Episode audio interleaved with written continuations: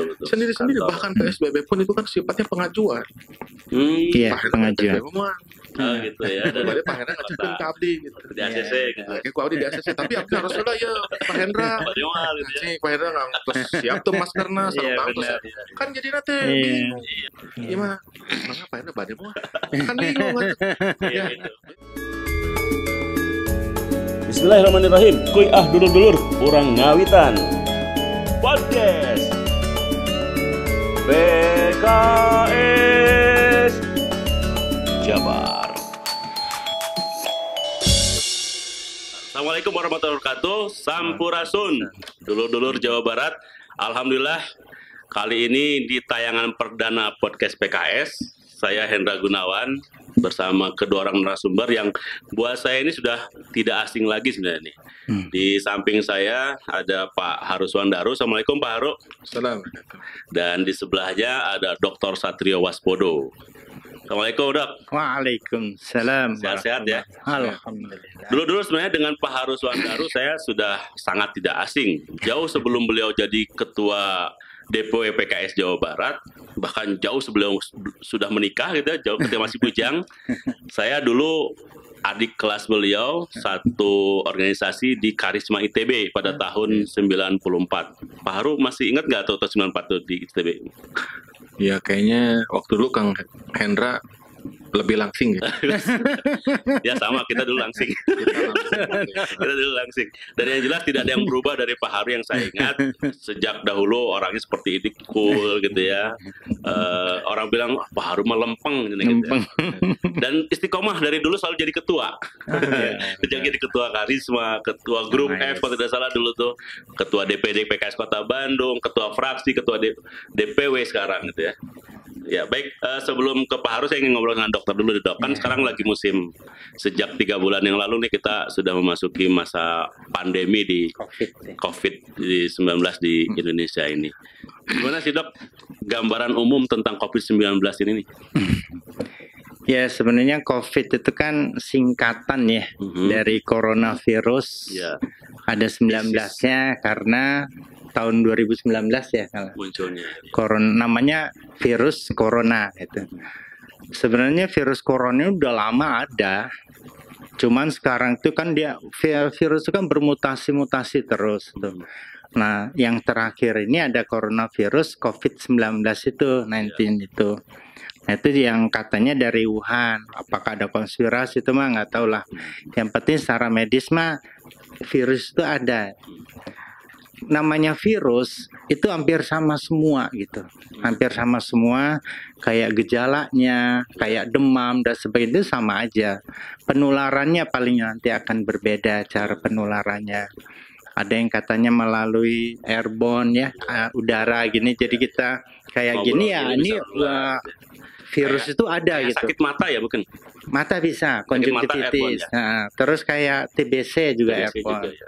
tapi kalau ke COVID-19 ini kan dia tidak airborne, dia droplet. Jadi dia Airborne. ada di dalam cairan ketika kita batuk, bersin, itu mengeluarkan cairan, nah di situ ada. Hmm. Makanya kenapa nanti ke sini-sininya dia harus ada jarak se 2 meter karena Meter, ketika bersin atau ketika batuk itu paling Atau satu meter. pidato bisa juga kan? Pidato bisa, Pidato tapi pidato masa teriak-teriak sampai sa- 2 meter kan kagak gitu. Kalau orasi itu. Bisa aja tapi diperkirakan dia nggak nyampe 2 meteran Iya, gitu. jadi diharapkan nanti physical distancingnya juga seperti itu gejalanya sama sama Mhm. seperti itu cuma nanti kan yang membedakan antar virus itu nanti daya sebarnya Hmm. daya sebarnya itulah. Nah daya sebar ini yang nanti akan menjadi satu kriteria dari eh, apa namanya untuk dia PSBB atau apa. Iya. karena dia ada penurunan daya sebarnya kayak di Indonesia itu kan apa Jabar tuh masih 2,7 ya Dan jadi 2,7 jadi satu orang tuh bisa nyebar ke dua sampai tiga orang gitu sebelumnya bisa lebih banyak Terus dan itu eh, cepat protokol waktunya. kesehatan nih, kenapa ada pakai masker, Mm-mm. ada cuci tangan, pakai sabun atau Iya. hand sanitizer gitu ya? Iya. Kenapa tangan saja gitu? Ya, pertama masker. Ya. Ya, tadi kan yang dibilang bahwa kenapa ada uh, social distancing? Ya, saya- saya- Karena saya- kita ngomong gini kan ada muncrat uh, Iya, hujan iya, iya. setempat ya katanya, hujan lokal itu kan lokal. ada. Apalagi kalau bersin itu kan kayaknya angin puyuh gitu kayaknya. Iya, Keras sekali ya, hujan deras itu. Tapi kalau ngomong gini kan pasti ada munceratan. Nah, Iya. Apalagi kalau batuk, bersin itu pasti keras. Nah, virus itu ada di dalam kalau kita positif ya. Iya, iya. Nah, cuman kan kita nggak tahu nih kita positif atau enggak. Nah, ketika muncrat itu tuh di situ ada kumannya, eh, virusnya. Hmm. Nah, makanya untuk mencegah biar dia nggak nyebar, bersin kita masker. pakai ini. Atau kalaupun enggak harus terpaksa lagi nggak ada eh, apa namanya eh, masker, Ya. cara batuknya yang harus Hmm, perhatikan. betul, ya. Tidak gini, Tapi karena ini kan ya. nanti bisa kena orang lain, Sama, makanya ya. harus gini dengan siku Iya, kan. iya, iya. Kalau ini kan jarang kita gini atau ketemu teman itu Betul, jarang. Makanya cara batuknya benar kan gini, bukan gini. Karena nanti dia salaman atau megang nih akan ke mana-mana gitu. Nah, kemudian kenapa eh, tangan? Iya, Karena kan penyebaran misalkan ada kuman di sini muncrat gitu. iya. Emang mata kita yang nempel kan kagak, ya kan? Tangan ya, Paling tangan, ya, pegang- gini pegang atau di tangga. Iya, Misalkan iya, yang orangnya udah apa namanya yang udah kena kemudian batuk pakai tangan kemudian dia pegang iya. tangga Pegangan, ya. orang yang datang kan megang tangga Iya, itu dan iya, dia bisa bertahan cukup lama kan Tangga, berjam-jam pegang pintu dan sebagainya, Ah, ah. uang ya. uang Terutama boleh Heeh. Peredarannya uang itu bisa bisa Heeh. muter ya. makanya dia pegang itu eh, tangan makanya kenapa dicuci misalkan kalau pakai masker kan untuk keluarnya Iya. tetapi untuk masuknya kan melalui tangan Iya, iya. makanya kenapa harus pakai cuci tangan ya Hmm. Jadi ketika tangan ini kalaupun memang ya kayak saya, apakah kita yakin di sini bersih? Kan nggak tahu itu. Iya, iya, iya. Ketika kita pegang, makanya biasakan cuci tangan, Betul.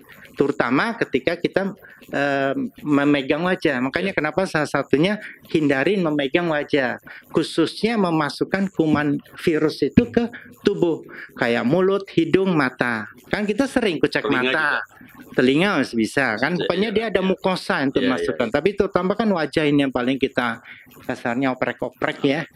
Kembali ke tadi ya COVID-19 Iya. itu yang membedakan selain penyebarannya yang cepat virus Iya. tersebut itu apa yang membedakan dengan corona kan ketika corona itu sudah ada sejak lama Ya sebenarnya yang jelas sekarang belum ada eh itunya ya vaksinasi Vaksinnya. obatnya juga belum Hmm, ada. karena karena belum ada obatnya juga ya Nah, sebenarnya kan makanya nanti kenapa eh, sekarang vitamin, suplemen, bahkan madu sekarang laku keras. iya Karena kan virus itu sebenarnya ketika kita kuat fisiknya sama kayak flu lah gambarannya itu. Hmm, Ketika Kang Hendra capek ya nyanyi iya, di iya, mana-mana pulang capek Capek. akhirnya kena Imunnya. ya, imunnya lemah kena virus gampang Hmm.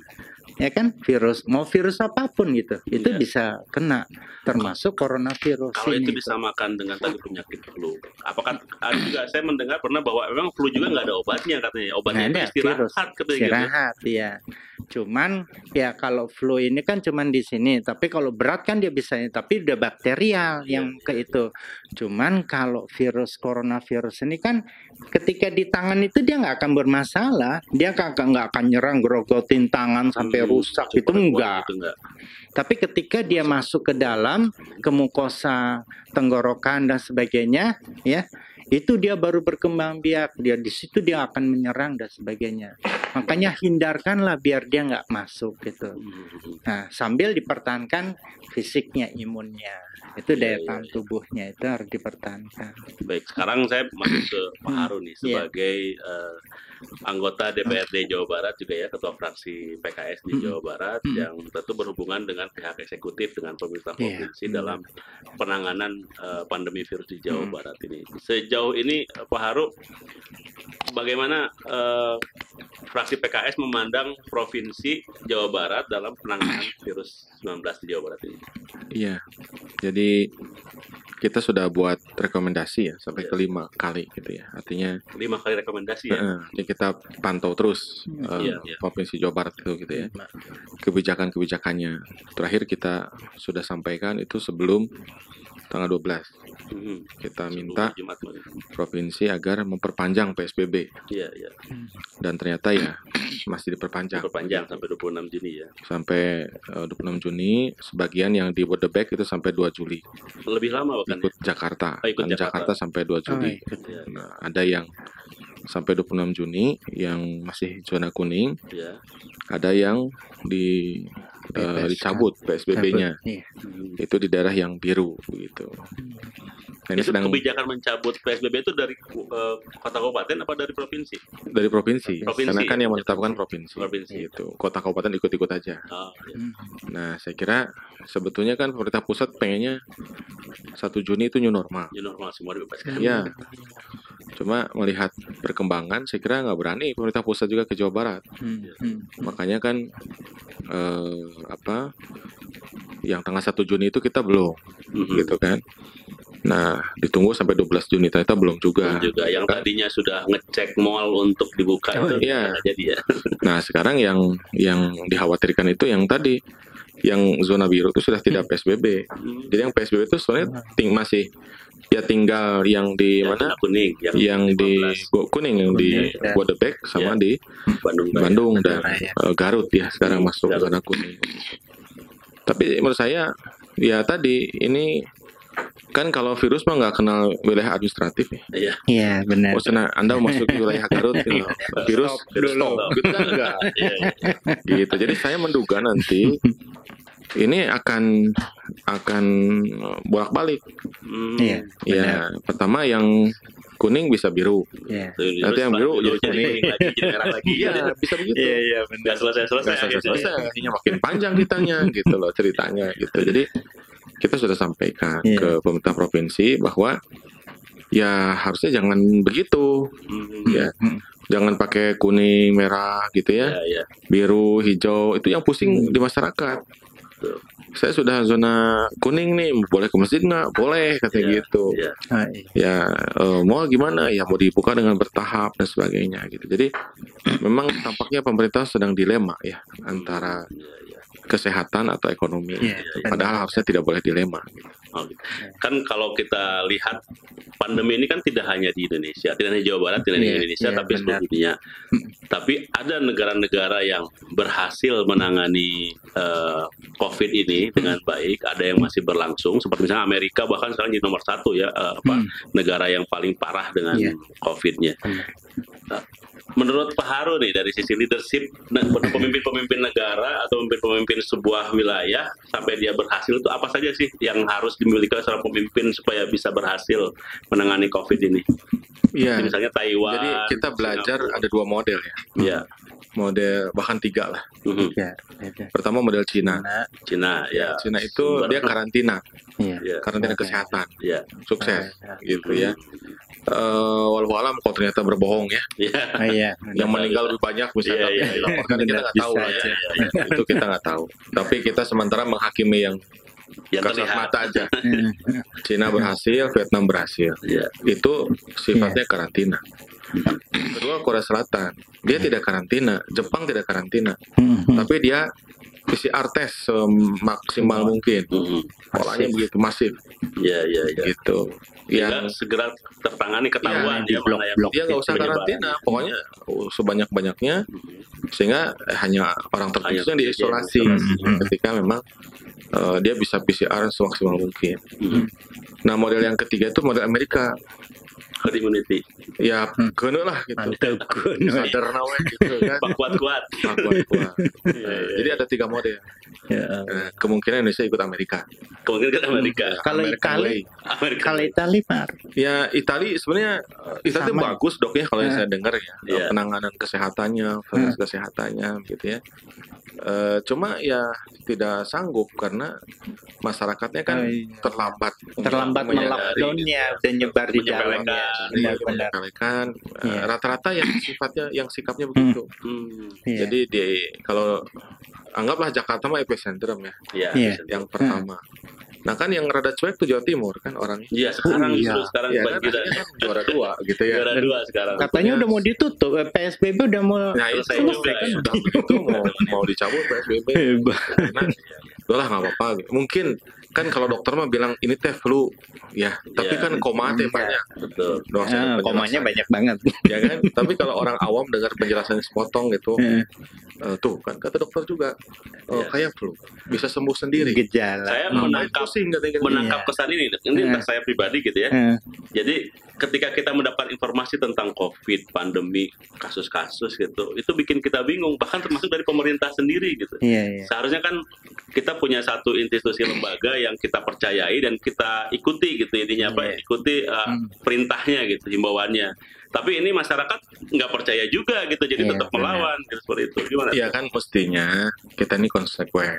Iya, iya, iya. Kalau sudah punya undang-undang karantina kesehatan, terapkan aja. Aja gitu ya. Gitu. Apa itu karantina kesehatan?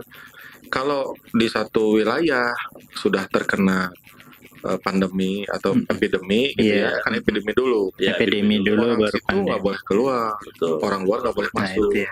Sama dengan hadis, Iya, Iya. iya, betul. cocok itu undang-undang Iya, karantina iya. itu sudah Islami. penerapannya Iya, lumayan. Tapi karena ada konsekuensi di situ, Hmm. akhirnya kan dia tidak mau. Tidak mau. alasan masyarakat nggak bisa masalah ekonomi macam Hmm. akhirnya kan dia tidak karantina kesehatan Hmm. Akhirnya dia PSBB.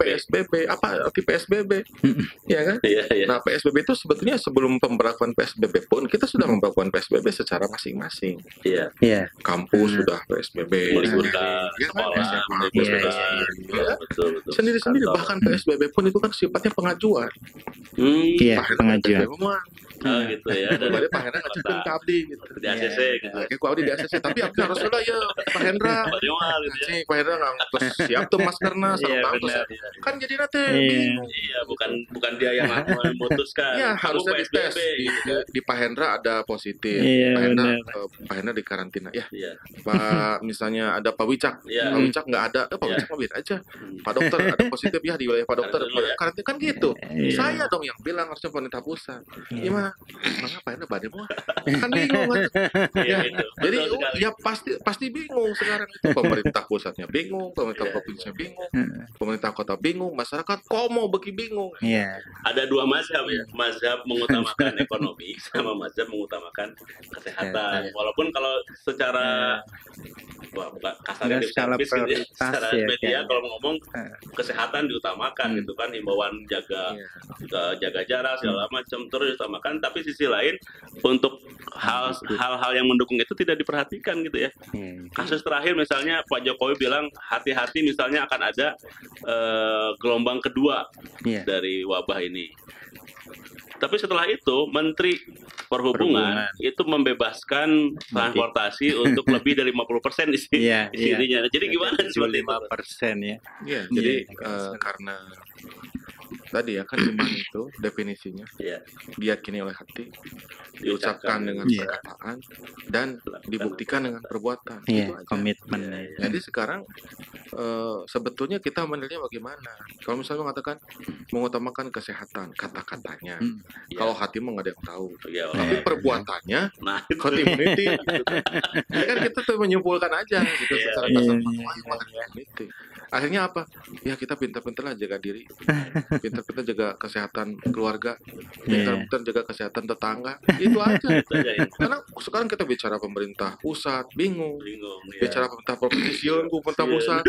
Bicara pemerintah kota, siun ku provinsi. Ah, udahlah gitu. ya. Lu kata bulan RT sekarang. Ah, Iya. Gitu. Para saya di masjid. Para saya di masjid nah itu. Sekarang saya masuk ini sebagai Lumayan.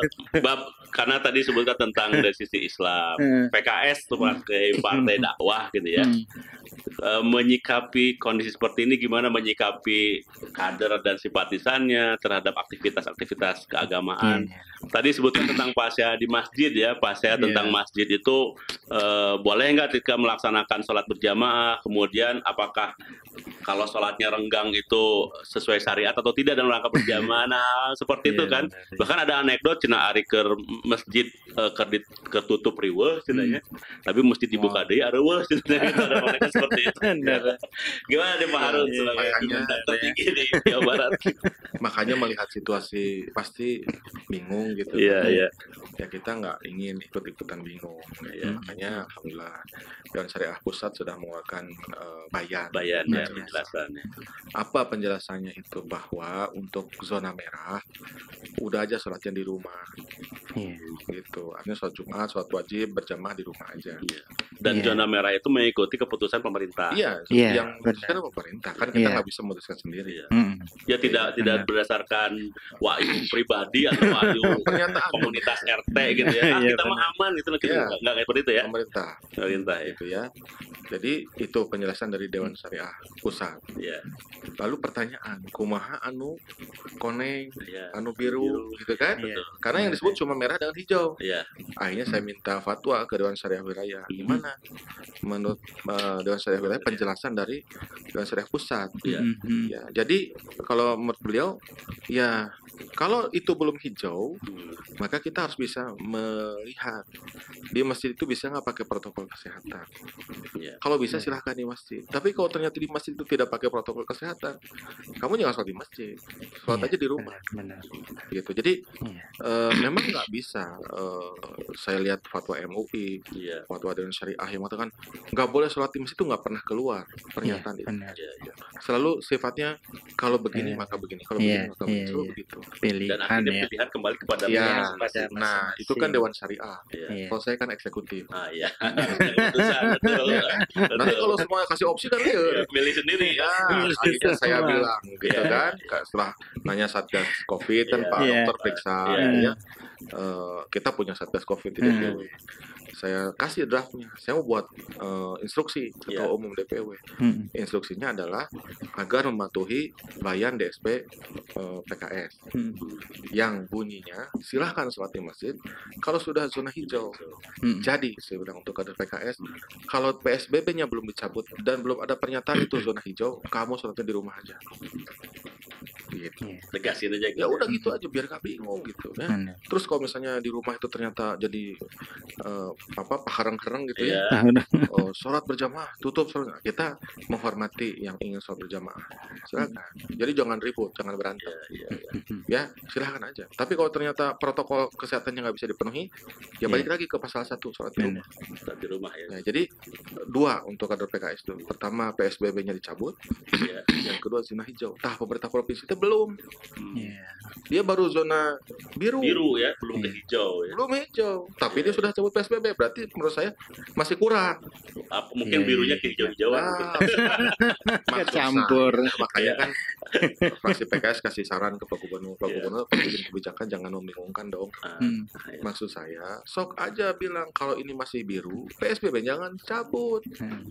Tegas Jangan aja. Pak Baliut dengan ingin Iya. adaptasi kebiasaan baru, jangan. Iya. Aja masih biru itu berarti belum selesai. Biru biru bisa jadi kuning. Iya. Kalau sudah hijau, silahkan nyatakan Iya, itu iya. hijau. Cabut PSBB-nya. Kita pun harus gunakan protokol kesehatan tetap. Iya. Itu yang disebut new normal. Benar. Nah, ke Dokter Satrio nih. Iya. Dok kan sebagai kepala bidang apa Kesehatan. divisi kesehatan di Hmm. COVID-19 Iya, iya. eh, Hmm. PKS Jabar ini, Mm. sebenarnya apa perbedaan zona hijau dengan zona lainnya gitu, zona biru, kuning dan merah. Kalau sebut zona hijau itu apakah sudah dari sisi penyebarannya sudah nol, tidak ada lagi yang terjangkit atau bagaimana Oke, Kalau biasanya pakai daya penyebarannya ya. dari penyebaran? Kalau R ada sebutnya R ya. Hmm. R itu daya sebarnya. Tadi yang pertama di awal disebutkan kalau misalkan R-nya 2,7. Indonesia masih 2,7 secara umum ya. Jadi penyebarannya itu bisa satu orang bisa menyebarkan 2 sampai tiga orang gitu. Nah, kalau dia R-nya sudah kurang dari satu, jadi berarti nggak ada penyebaran dong, Iya. harusnya ya, Iya. karena dia masa satu ke setengah kan nggak ada.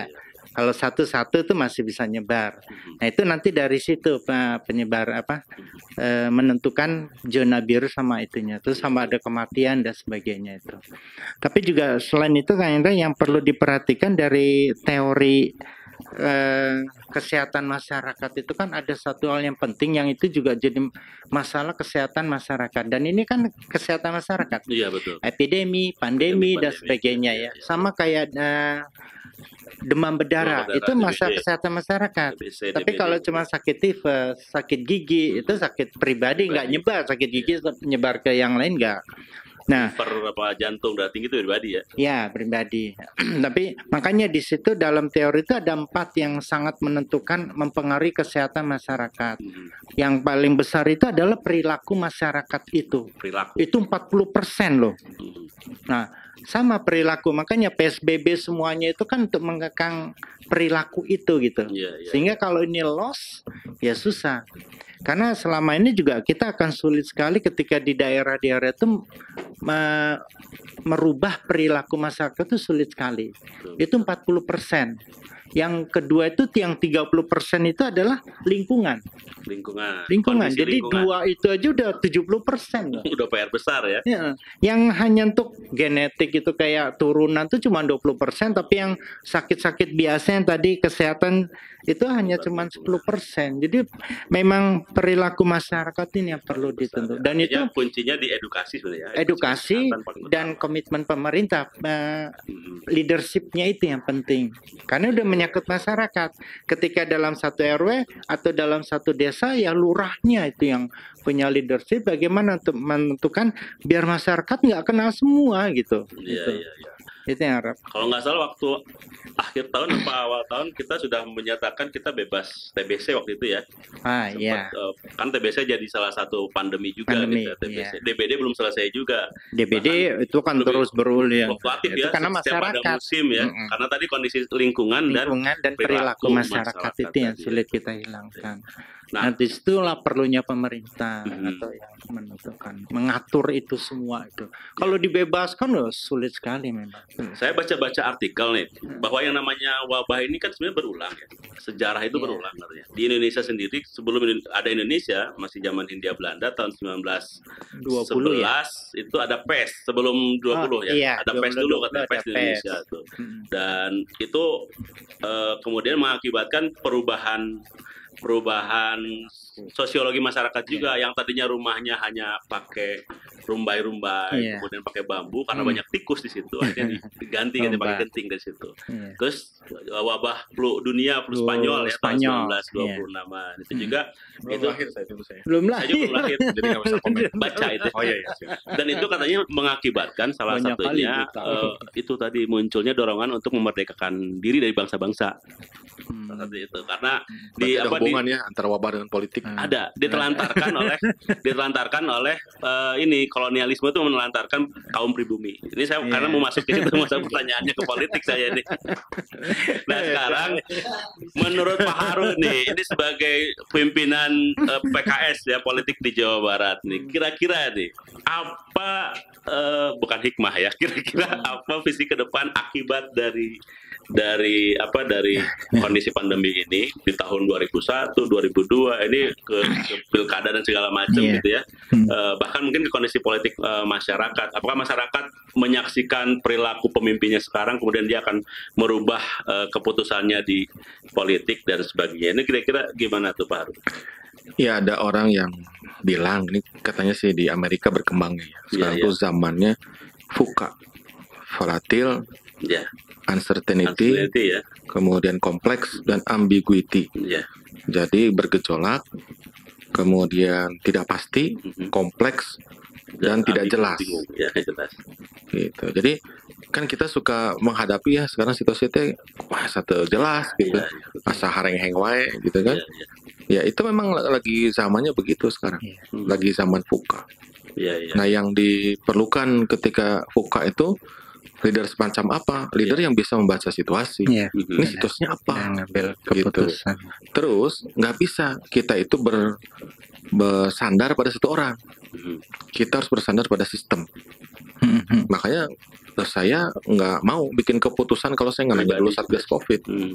ngeri Iya, atuh iya, saya iya. so. Iya, iya. nyuruh kader entong sholat di di, di Iya, masjid jawabnya akhirat ya. urusannya Iya, ke akhirat melarang-larang orang sholat Iya betul. Iya kan? Betul. makanya saya menyandarkan ke dewan syariah Iya, di situ iya. ada para ulama ya kan ada, ada- konsep suruh ada dalam Islam dokter ya. gitu kan. Betul. Iya, iya. kumaha gitu kan ari orang mah tidak ada kepentingan macam-macam ya kita Iya, mah fokus aja menyelamatkan kader Mhm. menyelamatkan keluarganya sama tetangganya gitu. Iya, benar. Akhirnya kita harus buat kesimpulan oh ini karena situasinya nggak jelas ya kita harus begini gitu jadi sekarang situasinya fuka oleh itu kita butuh eh, pemimpin yang bisa membaca situasi Iya. dia bekerja dalam tim jadi bukan superman Mhm.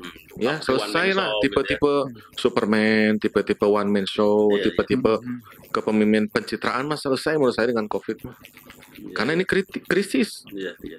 Kalau krisis mah orang akan keluar identitasnya dan jati dirinya. Gitu. Kalau dia tuh tidak kredibel nggak akan kelihatan dia mampu.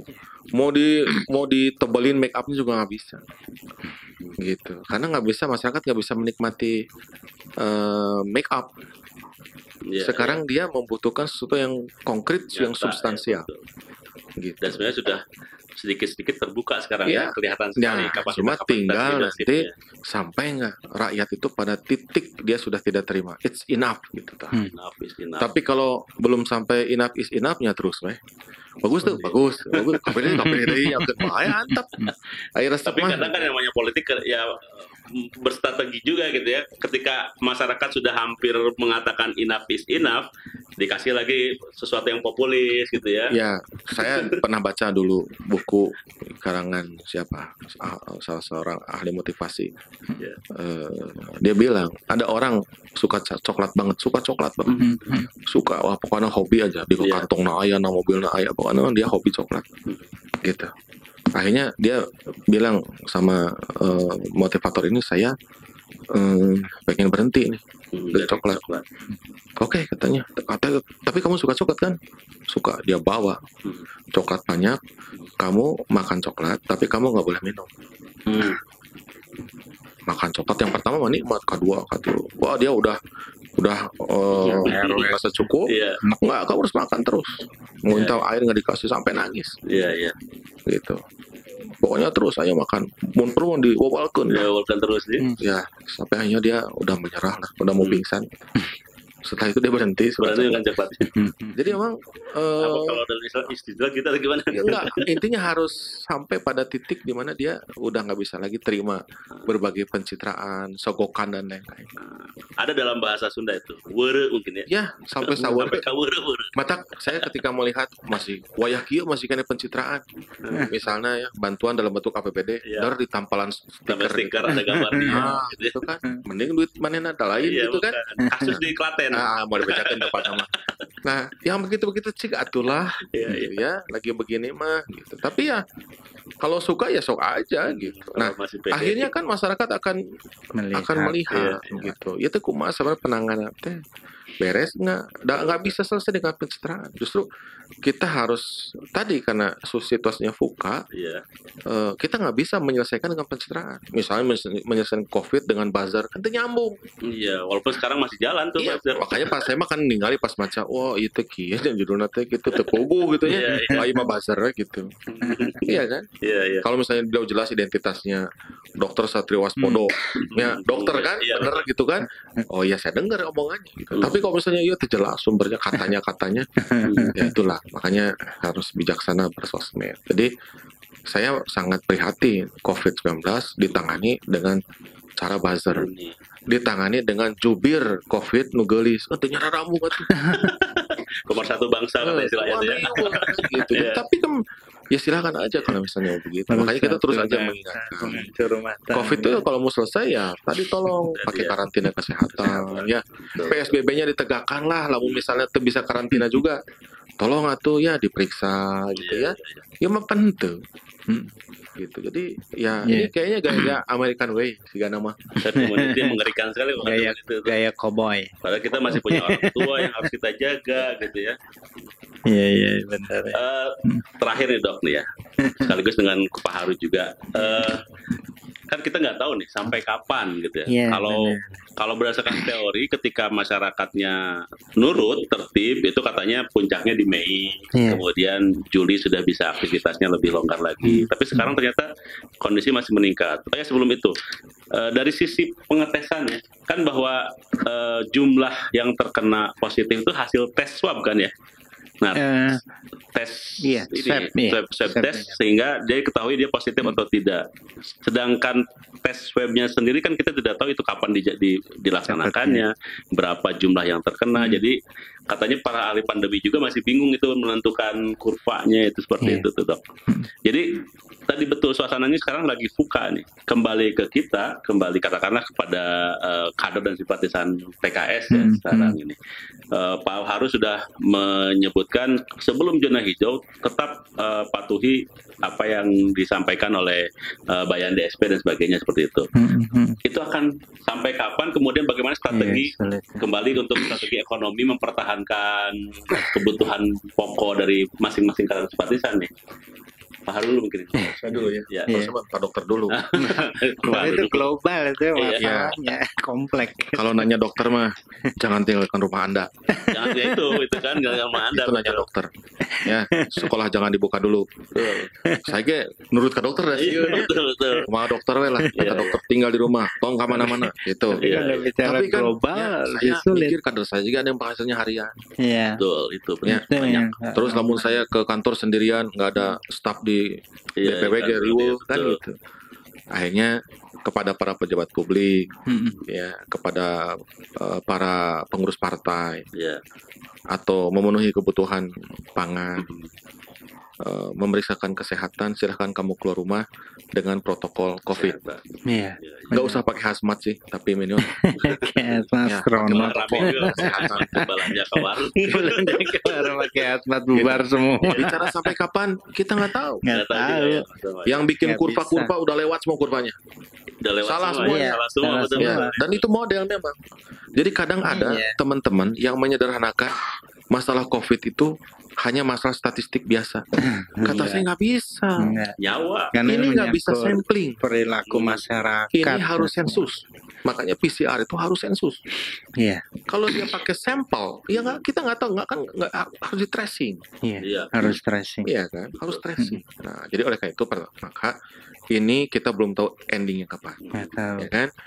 Oleh karena itu saya paham bahwa ekonomi harus berjalan. Iya. Makanya kita harusnya pemerintah kasih dorongan, misalnya Hmm. bagaimana orang tetap bisa jualan baju tapi pakai online, Iya. Nah, iya. iya kan? Iya. iya. Terus misalnya di diterapkan protokol kesehatan Hmm. di tempat perbelanjaan itu, nggak boleh sampai berkerumun, gitu. Jadi supaya orang bisa beraktivitas. Iya, iya. iya. Karena kalau misalnya sekarang kita tinggal di rumah, udahlah dari awal udah, walaupun dia nggak ngomong, ya kita Iya. bisa membaca apa tidak mampu. Betul. Iya. Hmm. Kan kalau misalnya semua tinggal di rumah, dijamin semuanya sama negara, Itu baru. Iya kan? Iya. negara cadangan devisinya besar. Betul. Ini Iya nggak kan? ada Betul. Sehingga nanti akan ada stimulan setelah Iya, iya. COVID-nya pada pergi angkat Iya. kaki gitu kan? Iya. Sudahlah itu mah impian. besok lagi, besok lusa Iya. kapan-kapan ya. dari Punya negara begitu ya, Iya. besok lagi lah. Sekarang mah kenyataannya nggak sanggup. Iya, oleh karena itu maka ya sudah. Berarti sekarang kita tetap PSBB. Iya, Karena itu payung hukum ya. Iya. iya, Iya. Kita tetap PSBB. Kalau nggak kepaksa jangan keluar rumah. iya. Tinggal di rumah. Ya perkuat bisnis online. Kalau Hmm. keluar perkuat rumah pun tadi ya. digital. Ya. Kalau keluar rumah tadi pakai protokol Protokol kesehatan. Pulang semua baju cuci, Hmm. cuci tangan semua mandi aja, kacamata cuci, HP cuci semua cuci. Hmm. Dari mana saya tahunya dari istri saya. Gitu. Saya mau masuk rumah, hop, Jaga dulu. Ada kaki, ada satpamnya ya. kadang-kadang ke oke dok capek gitu ya. Tapi itu Udah pengen langsung istirahat. Ya, gitu ya. tapi beliau luar biasa Betul, gitu ya, tugasnya sebagai satgas di rumah. Satgas COVID di rumah. yang sebutnya normal itu kan yang harus diperhatikan. Ya, terakhir dok, dok, tadi menarik saya perhatian bahwa 40% diakibatkan karena perilaku masyarakat penyebab eh, susah berakhirnya pandemi ini. Hmm. Eh, usaha yang harus dilakukan apa dok? Mengedukasi masyarakat supaya bisa merubah perilakunya gitu. Iya benar. Dan itu yang nggak gampang terus terang. Hmm, Apalagi ini sifatnya kan dunia atau diperkecil Indonesia dengan strata pendidikan yang jauh sangat jauh berbeda itu. iya. Yang kita lihat aja kota Bandung yang misalkan di komplek dengan yang di daerah kumuh, Hmm. ya kan beda banget. Itu yang tetanggaan gitu. Saya saya kan Itu di komplek sekali. di komplek Iya. kemudian berbatasan dengan eh, Iya. luar komplek ya. Iya, beda Dengan banget. kampung. Itu masjid pun berbeda. Kalau Iya. di komplek itu menerapkan protokol Iya, selama kemarin tuh udah tutup masjid tuh. Iya, Tapi di di Iya. kampung masih aja biasa. itu sebelah loh. Sebelah. Ini belum berpikir Bandung, Betul. Jawa Barat, Indonesia, dunia. iya, itu nggak gampang. Sama kayak cerita santai dulu ketika di puskesmas kan eh, perilaku masyarakat itu kan buang air besarnya di Oh iya, itu di ya, di, kebun. ma- di kebon Iya. ya kan. Kemudian dibuat oleh pemerintah eh, WC umum, tanpa penyuluhan atau penyuluhan seadanya. ya. Apakah pakai WC-nya? Nggak kepake. Tetap aja dia ke sana, WC ya. jadi rusak. Iya, itu. iya, iya. Itu yang kecil, apalagi ini masalah besar yang ini Besar, kan. ya. Iya. Jadi kemungkinan besar kalau kata Pak Haru herd immunity ya dok ya. Iya, itu pemerintah. Akhirnya Tapi juga, kayaknya Apakah ya itu karena bagian dari pemerintah juga ikhtiar kita dengan herd immunity ini kita ketika pemerintah nih Pak Haru me- kemungkinan walaupun tidak secara eksplisit mengatakan akan herd immunity tapi Hmm. arahnya ke sana karena keti- ketidakberdayaan iya, eh, apa sumber daya dan sumber daya macam-macam ya, dana dan sebagainya. macam. Ini mah pendapat pribadi. Iya, yang kita Iya. lakukan apa tuh? Pendapat pribadi. Iya, iya. Pertama, tidak melaksanakan undang-undang karantina kesehatan. Hmm, Memilih Hmm. PSBB. Iya, PSBB itu efektif. iya. Ya. Eh, pengen cepat-cepat new normal belum waktunya. Hmm, Kesimpulan herd immunity. sudah oleh pemerintah. Ya, kesimpulannya herd immunity. Walaupun tengaku. Ah, Iya itu. Nah sekarang eh, Apa yang kita lakukan? Mhm. Ya, tadi balik lagi. Iya. Kita buat satgas Hmm. COVID Iya, di DPD DPD buat satgas COVID di DPW buat satgas COVID. Karena saya mah tanggung jawabnya kader, Iya, maka saya ingin kader saya selamat Sehat. dulu. keluarganya juga sehat. Hmm. Ya, kita ingin para pejabat publik, wali kota, Mhm. wakil bupati, Iya. anggota dewan, pusat, provinsi, kota, Iya. ya, Iya. itu melaksanakan tugasnya dengan baik karena dia diberikan amanah. Iya. Apa kasih masukan ke pemerintah di tingkatannya, Tingkatannya. ya di provinsi ke gubernur, di kota kabupaten ke bupati wali kota, gitu Iya. ya. Mau bukan ke DPKS juga nggak apa-apa. Mhm. Kita kasih tahu yang yang baiknya bagaimana, yang Iya, benernya iya. bagaimana. Iya. Dia mau dengar, alhamdulillah, nggak dengar kacida, misalnya, ya. Kayak Ya, tidak pokoknya kita kita kasih eh, masukan. Kitanya hati-hati, kitanya jaga diri. begitu. Iya. Jadi kita eh, walaupun misalnya situasi di luar itu herd immunity ya kita enggak. Kita tetap berusaha. Ya, Hmm. walaupun kita tentu sangat terbatas. Iya, Ya, kemampuan. kita karena kita kan bukan negara. Bisa diceritakan Pak Haru Satgas eh, COVID-19 yang dibentuk oleh DPW itu cakupannya apa saja? Oh, Iya. luas banget. Jadi awalnya kita melihat ini mah masalah kesehatan. Iya. Hmm. Makanya ketuanya dokter. Hmm. Iya iya iya. Ternyata masalahnya lebar. Lebar ya. Oh, ke mana-mana. Harus ngurus wali kota, Ah, harus wakil bupati, Pak dokter makan liur. Ya, sakit apa mencret atau apa kan gitu aja. Iya iya iya. Iya kan? Iya. Apalagi urusan ekonomi. Udah Ya, politik. harus ayo menanam PKS. Pak dokter pusing kan urusan begitu kan. Betul, ya. Akhirnya kita bikin satgas yang lebih besar. Lebih Ini iya. cakupannya. Cakupannya apa? Eh, Ada aspek, aspek kesehatan, ya kan? Ketuanya Pak dokter. Iya. Ada aspek ekonomi, ketuanya Iya. pengusaha, gitu kan? Ada aspek sosial, Sosial. ketuanya orang kaderisasi, gitu kan? politik. ada aspek keamanan, Keamanan. ya, ketuanya kepanduan, ada Iya. aspek eh, politik, Politik, ya dia kebijakan bagian politik dan publik, ya. hukum. Gitu. Jadi luas kita banget. melihatnya sudah Komprehensif ya. komprehensif, gitu bahwa ini COVID ini Hmm. melihat cara penanggulangannya lama dan ini bakal ke mana-mana. panjang. Iya iya. Ya, kalau misalnya cepet aja, kita langsung gunakan protokol kesehatan. Pak Dahlan Iskan pernah nulis bagaimana orang baru balik dari bandara, ya dari pesawat turun, Iya. ya begitu turun dia langsung dijemput pakai bis di swab semuanya masuk ke tempat tertentu di tes swab Hmm. diam di situ sebelum keluar hasil tes swab begitu keluar kan diurang bisa empat hari ya. Iya betul bisa seminggu. dia mah dua tiga jam keluar Keluar. oke hasilnya oh bapak ibu negatif silahkan pulang diantar ke rumah nggak boleh naik taksi nggak boleh diantar sampai ke rumah nah Itu di bandara mana itu? Di, ah, di Cina Oh di Cina. ah, di di Cina. Cina. Iya, benar. ya Benar, begitu masuk rumah Iya. nanti pagi ada yang meriksa lagi di Iya. swab deh disukur suhuna Oh.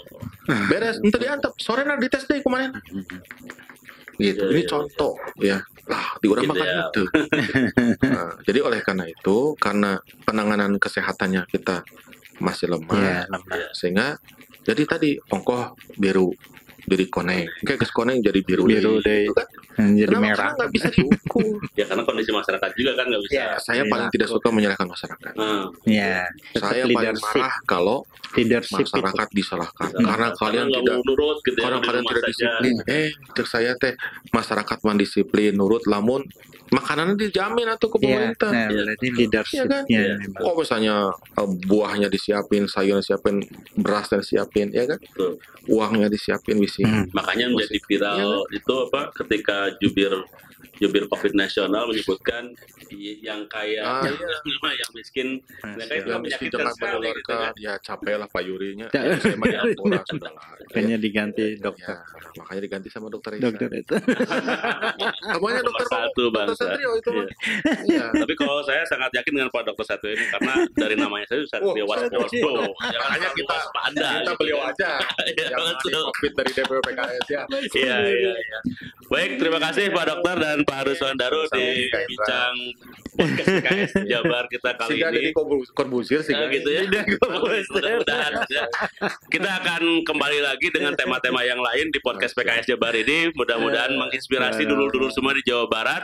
Uh, stay at home, tetap semangat untuk berkarya ya walaupun dari rumah, walaupun sedang pandemi Covid dan saya yakin dulur-dulur Jawa Barat mah kreatif gitu ya. Iya. Selalu kreatif, terutama kader dan simpatisan PKS. Iya. Kita akhiri dengan hamdalah, alhamdulillah Alhamdulillah. Assalamualaikum warahmatullahi wabarakatuh. Waalaikumsalam warahmatullahi wabarakatuh. Podcast